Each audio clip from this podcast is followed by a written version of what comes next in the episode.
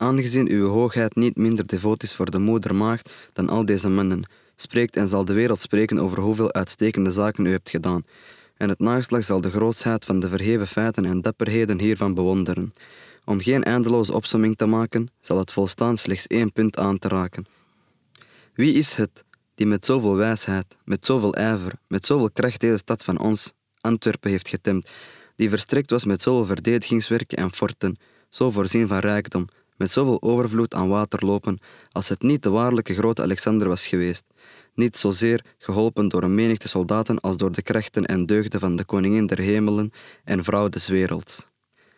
Inderdaad was deze stad eerst door onze voorouders gewijd aan de moedermaagd, door haar gunst gegroeid en vervolgens door de sluwheid van de duivel in de macht gebracht van de ketters. Moest zij niet terug hersteld worden in haar vroegere integriteit door een devoot, vereerder en verdediger van deze maagd?